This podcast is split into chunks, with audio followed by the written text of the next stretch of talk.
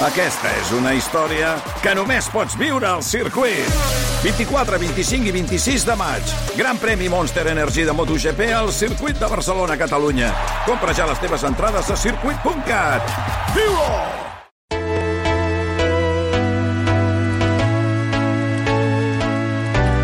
A les últimes setmanes hem sentit molt a parlar d'Ibai Llanos, que és aquest jove streamer que té milions de seguidors, que va fer-li la primera entrevista a... bueno, la, a, és, que, és que algun dia parlarem d'això.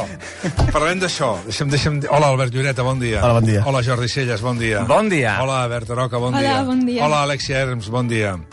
Molt bon dia. Una entrevista és una cosa, el que li va fer Ibai Llanos a Leo Messi és una altra, no és cap crítica, li tinc una gran admiració a, a Ibai Llanos, però una cosa és una entrevista i una altra cosa és una conversa, una altra cosa és fer catxon, fer conya, és una cosa molt diferent. O sigui, eh, és comunicar, és un gran comunicador Ibai Llanos, un enorme comunicador, hosti, dels millors comunicadors que he vist a xarxes, però amb molta diferència del segon, o sigui, és molt bon comunicador aquest tio.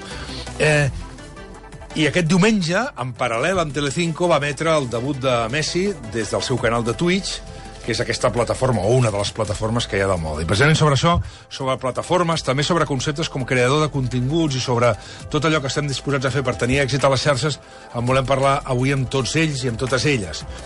Eh, hi ha una cosa que he de... He de eh, he de dir que parlant, valeu públic perquè li vaig enviar bé si ho podia explicar, em va dir que sí, parlant fa uns, fa uns dies, pocs dies, amb en Gerard Piqué, sobre el tema de l'Ibai, perquè esclar, ho vam debatre, uh -huh. ho vam estar debatent amb el Gerard Piqué, sobre la figura de l'Ibai, em va, em va estar explicant que era una mica la sensació eh, d'una persona, d'un grup de gent que ja explica sense cap tipus de pudor la seva vida i que el que més li agrada a la gent jove és sentir que aquell que li transmet, li transmet allò que a ell li passa. És a dir, sentir-se còmplice, és a dir, expressar les seves intimitats. És una mena de show de Truman, eh? 2.0. Eh? Una mena de show de Truman d'expressar, de ser com ets, de viure-ho d'aquesta manera, no? Eh, però deixa'm preguntar primer a la... A la I ara parlem de, del, del, de l'Ibai. Berta, què és Twitch?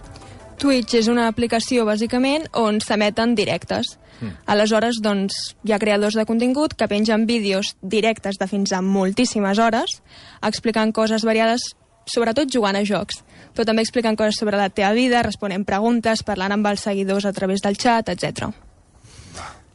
Per, que has dit una, una expressió molt... Lloreta, creador de continguts.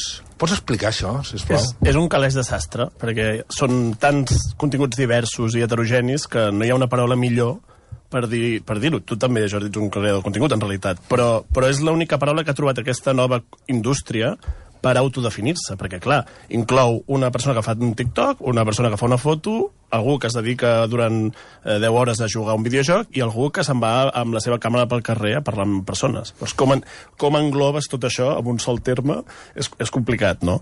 Um, I el terme que s'ha trobat és aquest, creadors de contingut. Sí, és una adaptació de, de l'anglicisme, diguem-ne, content, no? Això fa relativament pocs anys que parlem de continguts. O sigui, si en, els nostres jo de fa 20 anys ens hagués sentit parlant de continguts, quan parlem de sèries de televisió, de pel·lícules o de programes, de què coi estan parlant? Contingut és el que hi ha dins d'un pot, no? Dins d'una...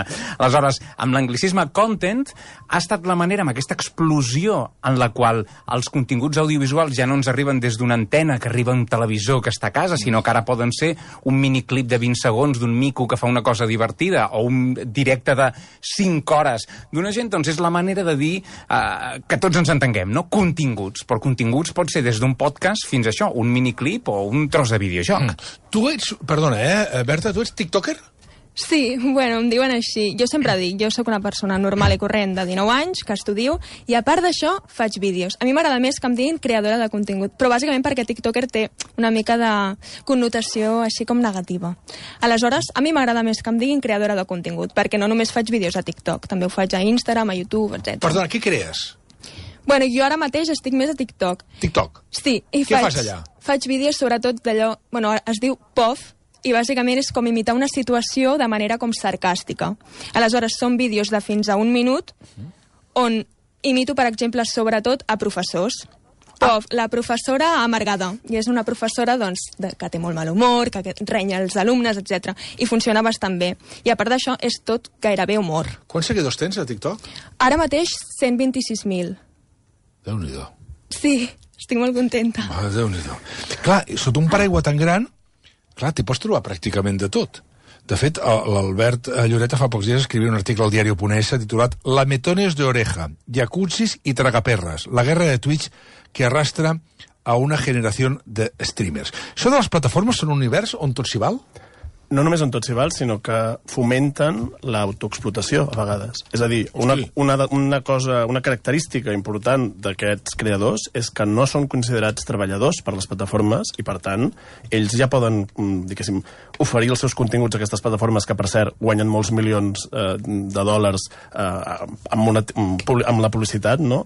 Em, Uh, I, per tant, l'autoexplotació fa que aquests, aquests creadors, a vegades, port, uh, es dediquin a fer certs continguts que solen ser extrems o, o problemàtics, no? com aquests que posen l'exemple a l'article, que eh, en el cas de Twitch hi ha hagut aquesta tendència de llapar micròfons durant, durant moltes hores seguides. En el cas d'algunes dones streamers que han descobert que fent això aconsegueixen créixer efectivament eh, eh, i, i monetitzar més ràpid el, el, el contingut. Sí, mm, i aquest és el més sonat, però després hi ha doncs, altres streamers que es dediquen a, a jugar a apostes, a jugar a màquines escurabutxaques, i això ha obert tot un debat sobre... Perdona, I això, perdona, es, tu veus com ells juguen? Escur, uh, Sí, sí, Tu ja. ets l'espectador de com ells juguen. Correcte, i com guanyen i com perden, i hi ha, mm, diguéssim, centenars de milers de persones en directe veient això Això Twitch. a Twitch, sí. Clar, aquest, aquest diumenge, quan vaig llegir l'article de l'Albert, em va generar com una doble sensació, no? Per una banda pensava, ostres, Albert, potser t'estàs passant una mica, no? Perquè tota la vida ha existit això d'algú que fa un espectacle, algú altre se'l mira i en funció de si agrada o no agrada aquest espectacle, doncs et paguen més o menys. Vull dir, les companyies de circ de tota la vida, els músics de carrer de tota la vida, la gent que de tota la vida no, doncs, ha fet un espectacle i si al públic li ha agradat, fa uns anys se'n deia taquilla inversa, fins i tot per donar-li un punt eh, de, de, de, de més personalitat, doncs et paguen uns diners o no en funció de l'espectacle que fas. Però per l'altra banda deia, clar, clar, el que deia l'Albert en el seu article és, sí, en la taquilla inversa o en aquest passar el barret, al final no hi ha ningú més implicat que els que estan veient l'espectacle i els que decideixen tranquil·lament fer aquell seu espectacle al carrer o en una sala i llavors doncs pagues la voluntat. Aquí no, darrere de Twitch, quan parlem de Twitch estem parlant d'Amazon. O sigui, Twitch és propietat d'Amazon. Amazon va comprar Twitch fa, no sé, uns quants anys, 5, 6, 7 anys, més o menys. Era una plataforma dedicada només a transmetre continguts de videojocs en directe i Amazon va detectar en aquell moment que el que valia comprar aquesta plataforma era que tenia un sistema de vídeo en directe, per tant, eh, que és on avui s'estan guanyant els diners, un, com el de la ràdio que estem fent ara, contingut en directe, capaç de tenir molts usuaris enganxats i monetitzats que aquesta és l'altra, o sigui, a través de subscripcions, a través de pagaments, fer-ne diners. Per tant, quan parlem de Twitch, no parlem de passar el barret al carrer, parlem d'Amazon, d'Amazon Prime, d'Amazon Logística i d'Amazon Servidors eh, Mundials. Alexia, vols dir alguna cosa?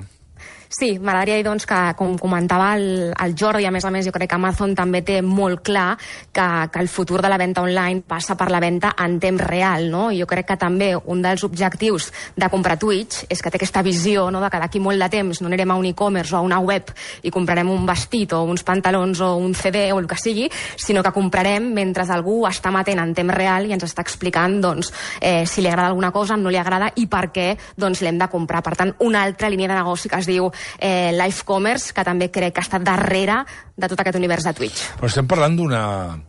Primer que és una exposició permanent de la teva vida. Això també és una altra cosa. Una altra... Totalment. És una exposició. O sigui, el que estàs fent és... Ibai el que fa...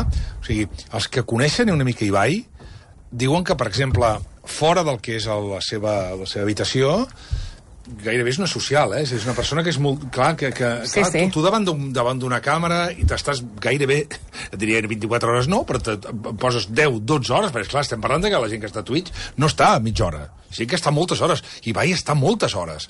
Clar, per tant, és una exposició permanent de la vida, és una mena de despullar. Clar, i estem davant d'una indústria que és absolutament nova, que s'escapa del que serien els controls més estàndards, que, i això, evidentment, dona per, per, per obrir tancar interrogants i, i signes d'exclamació. Un d'ells, l'exposició pública i tot el que fem per tenir clics i, sobretot, per tenir likes, que no deixa de ser allò del que m'agrada, no? Clar, Clar, que... que jo... Perdó. Digues, Alexi, Alexi, després l'Albert No, Lloret. Endavant. no, jo crec que, que abans, en el món de- en el món d'Instagram, no, el, el que buscaven els instagramers era el like, no?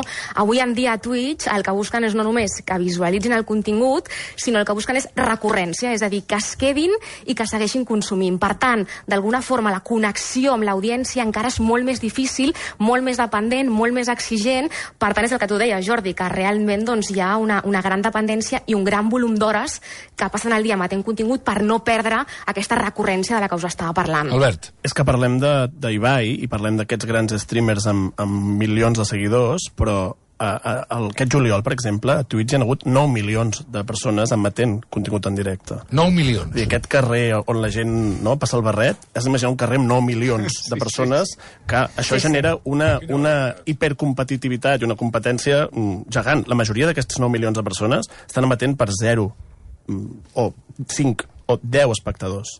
Això fa que la, la, la sensació de que si, per exemple, te'n vas de vacances o deixes de, o descanses unes hores, estàs perdent el tren, és molt gran, no? És com si aquest programa, si, si no estiguessis constantment eh, en directe i mai, mai marxessis de vacances i per comptes de durar 6 hores durés mm, 15, eh, no tinguessis la certesa de que cobrareu, no? Això, és, Quina és, aquesta, barbaritat. és aquest l'estat d'ànim una mica... Clar, està, com està muntat el sistema d'aquesta manera, l'Ibai, per posar el nom més conegut, si l'Ibai deixa d'estar uns dies en pantalla, és bastant probable que el seu volum de negoci baixi en picat. Totalment.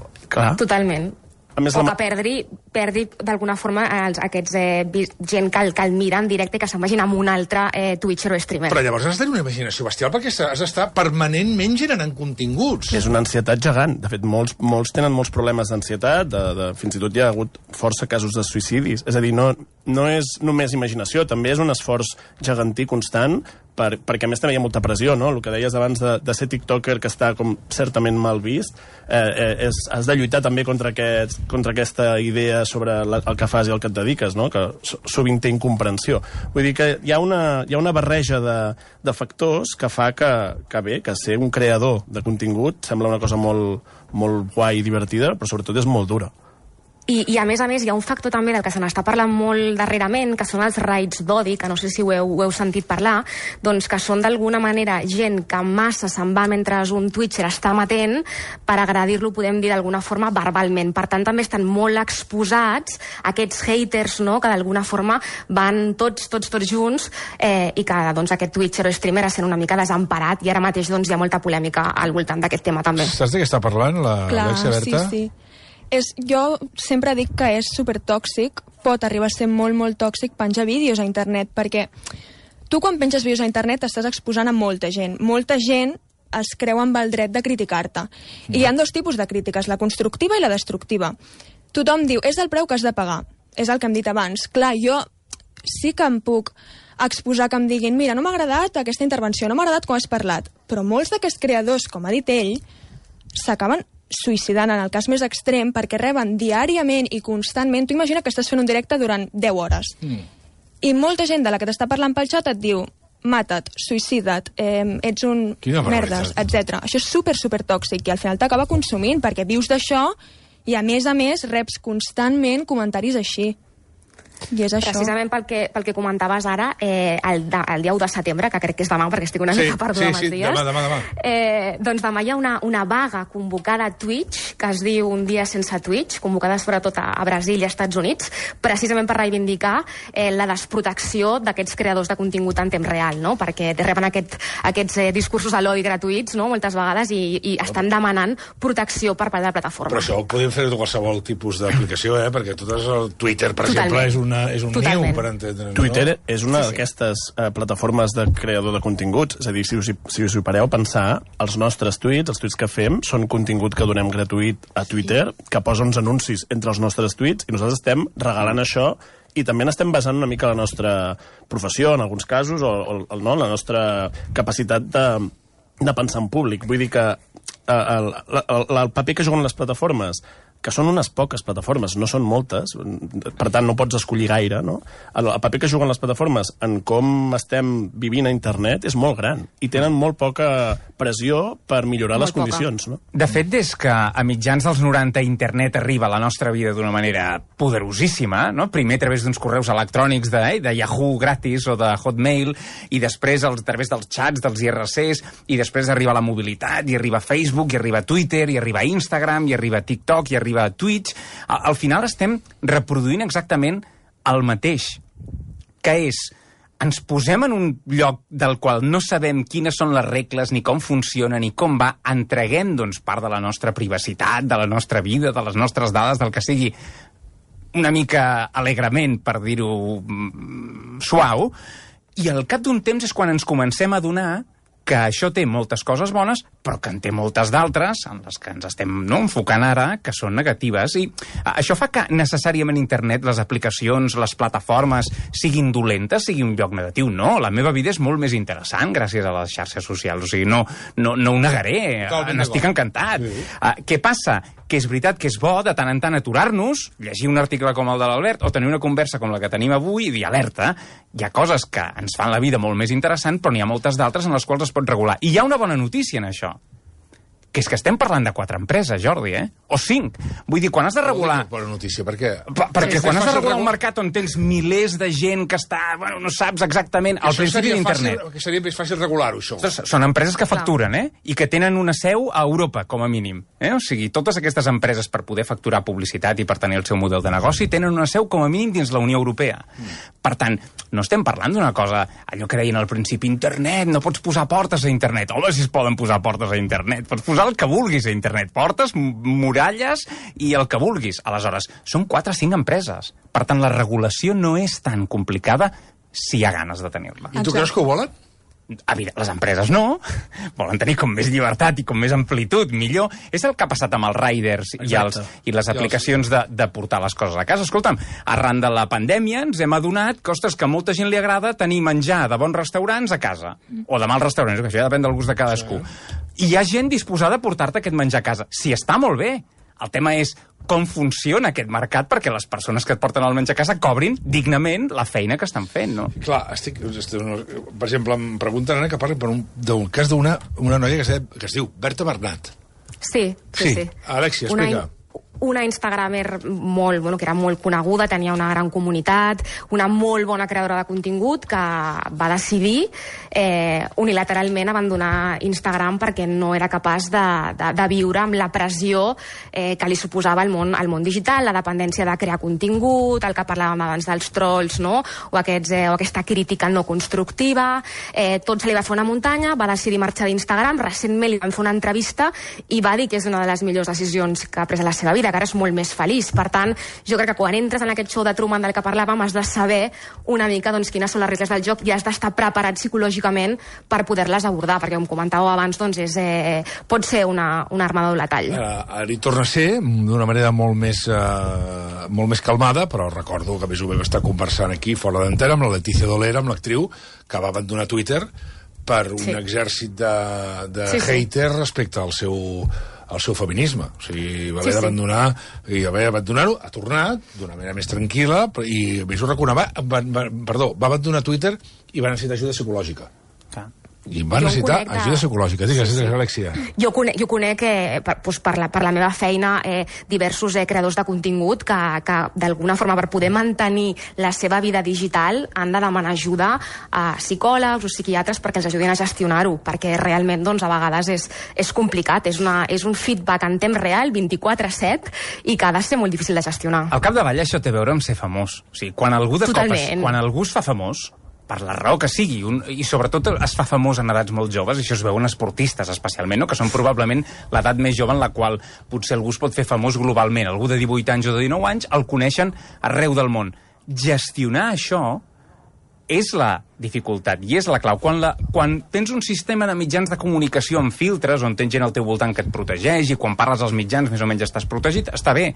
Les xarxes el que fan és trencar completament aquests filtres. No hi ha Totalment. filtre. Qualsevol persona que et vulgui dir el que sigui, t'ho dirà i tu ho llegiràs. perquè moltes vegades em sembla que la gent molt popular, les grans celebritats, diguem-ne, per fer la, la, la versió uh, anglesa, No se llegeix, no es llegeix. i s'ho llegeixen, lògicament, i els fa mal, lògicament, molts dels comentaris i moltes de les coses que es poden escriure, no? No hi ha filtre, i això és el que hem d'aprendre a gestionar.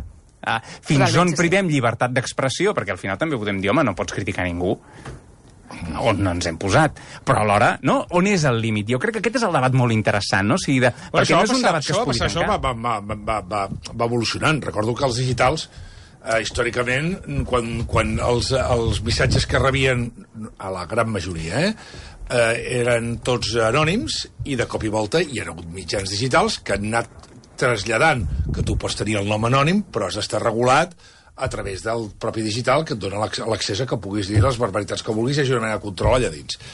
Clar, la pregunta és, mm, Alba, com una persona que ara està escoltant i que vol fer diners a TikTok, per exemple, una persona, sí, una persona que... que sí, perdó, Alba, Berta, eh, eh, vol fer diners a TikTok, què, què, què ha de fer? O sigui, es posa allà, aviam si té sort, o com va? Eh, a veure, jo sempre dic que si vols començar només pels diners, no comencis, perquè a més a més TikTok no és com YouTube, que és molt més fàcil cobrar gràcies al partner que es coneix.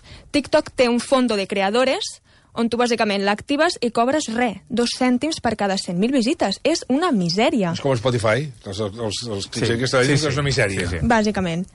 Aleshores, jo, per exemple, que faig vídeos i tot, jo no cobro de TikTok, jo em vaig vaig marxar del Fondo de Creadores perquè també diuen, no sé si és un mite o és una realitat, però diuen que si tu neixes allà, aleshores les teves visites comencen a disminuir i tal. Jo em vaig desentendre i ja no cobro d'allà. Realment, una és persona... veritat, això? O sigui, quan estàs a fons, clar, com que t'han de pagar... et Jo mer- crec que sí que és cert. Jo he notat alguna cosa. Però bueno, Val. jo em vaig desentendre. L'algoritme de TikTok és la cosa més Sí. misteriosa del panorama digital de social media avui al món. Clar, i té molt més poder que d'altres. És a dir, més. tu TikTok no tens gaire, diguéssim, capacitat d'escollir què vols veure. Tu subs et subscrius a coses a YouTube i t'apareixen més, més, més sovint, no? I a, I a Twitter és el cas més, més clar. TikTok és una mica...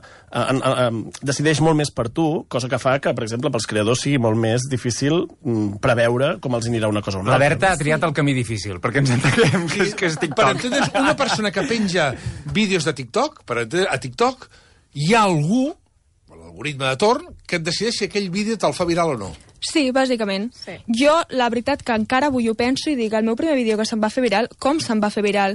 Perquè una cosa que t'ajuda molt a que apareguis de la pantalla de la resta són els hashtags. Per exemple, hi ha un hashtag de creadors de continguts en català que és hashtag estic tocat, ¿vale? però jo al principi no ho utilitzava. I te n'adones de que aquell vídeo arriba a gent que parla català i no saps com. I realment és així. Tu pots penjar un vídeo que per tu és brutal i no se't farà viral i un altre que dius quina tonteria i en un dia té 300.000 visites. I a Instagram?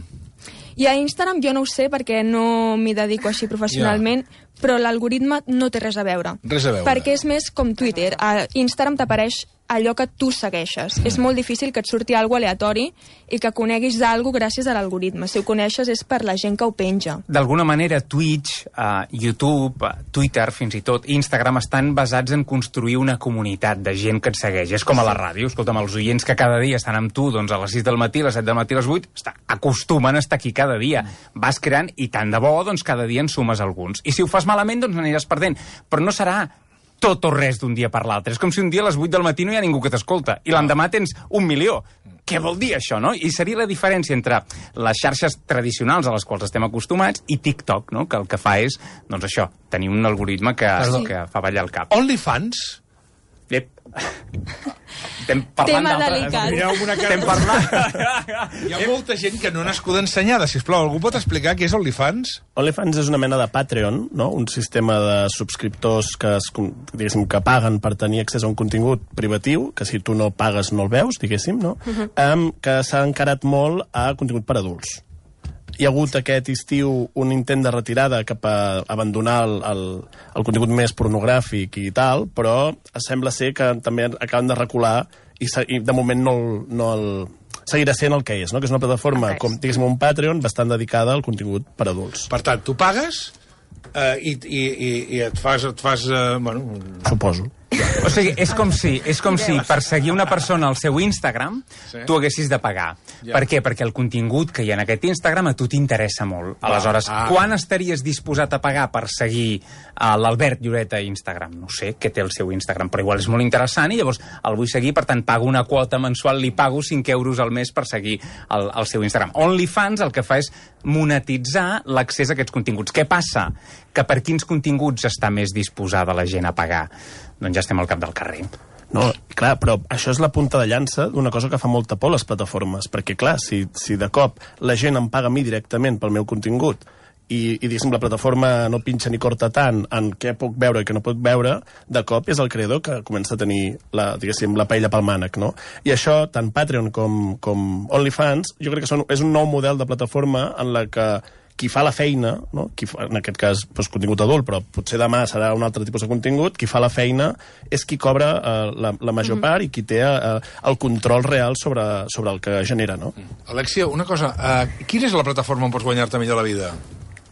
Eh, aviam, avui en dia, tenint en compte les formes de monetitzar de tots els creadors de contingut, que no és únicament la plataforma, sinó també hi ha col·laboracions amb marques, comissions per vendes... Eh, per les tarifes que, que jo tinc presents, eh, bàsicament ara mateix els que estan demanant més diners per col·laborar amb marques són els, eh, els streamers a Twitch i els tiktokers. Eh, diguem-ne Sí, que fa i- dos i- anys... sí, digues, digue'm, digues. digue'm. No, no, digues, digues. No, fa dos anys eren instagramers i youtubers i ara podem dir que aquesta nova generació de creadors de continguts amb unes habilitats diferents doncs són els que ens estan demanant més diners tant perquè emetre en temps real és més car. Tindria sentit un sindicat de creadors digitals? Jo crec que tindria molt sentit i crec que seria cada vegada més, més important que hi haguessin certes normes, regulacions i bones pràctiques dins un sector on hi ha moltíssims creadors i poques normes també, no només per la protecció que, que, cap a ells, sinó també perquè les marques no volen posar la seva publicitat a plataformes com OnlyFans o on hi hagi contingut, podem dir, que sigui ofensiu, violent o, o, o poc ètic. Hi ha, hi ha un... L'altre dia, Piqué explicava una cosa que em semblava impertinent. Jo em pensava que l'Ibai era el número 1. O sigui, l'Ibai és el número, aquest és el número 1. I diu, no, no, no, l'Ibai és el 7, el 8, el 10, no sé quin número és. El Sí. número 1 és aquest. A ver, amigos, novedades. Ya echaba de menos decir esto, ¿eh? És Aaron Play. Uh, Play. és català, té 9 milions de seguidors al Twitch, 9 milions, uh, i ara tothom parla d'un llançament de Tortillalan. No, escolta'm, aviam, en Berta, Tortillalan? Pensant què és Tortillalan? Mira, Tortillaland és una mena de servidor privat de Minecraft on bàsicament es reuneixen molts creadors de contingut per jugar a un joc tots junts que es diu, a veure si ho pronuncio bé, Mojang, crec. No ho sé, és que tampoc no... Jo és que tot això dels videojocs... Bo, si no, ja, ja... Però és molt, molt viral, eh? Perquè, per exemple, eBay o Iron Play, quan pot estar guanyant? Algun sentit, que pot estar guanyant aquesta gent ara? O sigui, guanyen més de 2 milions l'any, menys de 10. Aquí està la forquilla. Sí, exacte. Ah, Més o o sigui, vull dir, no és una empresa de, 10 mili... de més de 10, ja sabeu, no? Una empresa mitjana, no? Pot, doncs, pot tenir 8, 9, 10 milions, doncs, eh, doncs més de 2, menys de 10. Aquí estan. Sí, sí, sí. I tenen diverses fonts de, diverses fonts de negoci, eh? no només veuen Per això ho dic, eh? podem dir des d'exacte. Sí, perquè sí, és molt difícil treure exactament què poden guanyar de Totalment, publicitat, de patrocinis, d'entrades. sí. Recordes la teletienda, quan abans Oh, i de la tele I feien la teletienda, que sortien... Al final, nosaltres ara amb la pandèmia cada vegada ens hem acostumat més abans, però això ho ha accelerat a comprar a distància, que et porten doncs, qualsevol cosa que vulguis comprar, des de productes de menjar fins a productes d'electrònica, el que sigui, roba, ho compres i t'ho porten a casa. Al final, al capdavall, anem al mateix que hem anat sempre. A que a través de Twitch estiguin jugant a un joc que tu immediatament l'estàs veient i te'l vols comprar, a que estan portant una camisa que et vols comprar i te la compraràs i te la portaran a casa, o un producte d'alimentació perquè estàs seguint un canal de Twitch que també n'hi ha de gastronomia. Al capdavall anem al mateix. Clar, amb d'aquí un ve una suport mica diferent. el nom d'influencer. Exacte. D'aquí exactament surt. I com fas un sindicat amb una persona que guanya 2 milions d'euros l'any i una persona que té 5, 5 Sí, que persones sembla mirant molt directe. difícil. No, Aquesta no m'imagino l'assemblea, diguem-ne, no? Com seria l'assemblea No, d'aquest sindicat, no? Amb l'Ibai i, i, i la Berta junts en una... Amb respecte per tots dos, però parlarien de coses diferents. El, el, la qüestió és que després del confinament hi ha hagut un boom molt gran en aquestes plataformes i és possible que ara ja comenci a haver-hi una, una classe mitja, no? Entre l'Ibai i el de zero seguidors hi ha tota una classe mitja de, de, de La Berta no seria la de zero, eh? La Berta estaria al de mig, seria aquest. mitjana alta, home, jo diria. Eh, que, que poden potser començar a pendejar-s'ho, crec. Escolta'm, Sí, sí. el pròxim... eh, Hi haurà un pròxim dia, perquè m'agrada molt aquest tema, el pròxim dia... No, no, està clar, està clar, no, és que hi ha temes que estan molt bé. Per exemple, hi ha hagut una cosa que m'ha passat aquest estiu que m'ha semblat bestial. I això crec que va exponencialment. Cada vegada veig més gent a les taules enganxades pares i fills a les plataformes, a les tauletes i als mòbils. O sigui, el, el tema verbal sempre hi ha algú enganxat a... És bestial l'enganxada que tenim tots a les, a les xarxes. I va a més. Sí. Ai, Déu. Albert, Jordi, Alexi i Berta, moltes Ai, gràcies. ai, Fins ai. aviat. Gràcies. Gràcies. Adéu, adéu.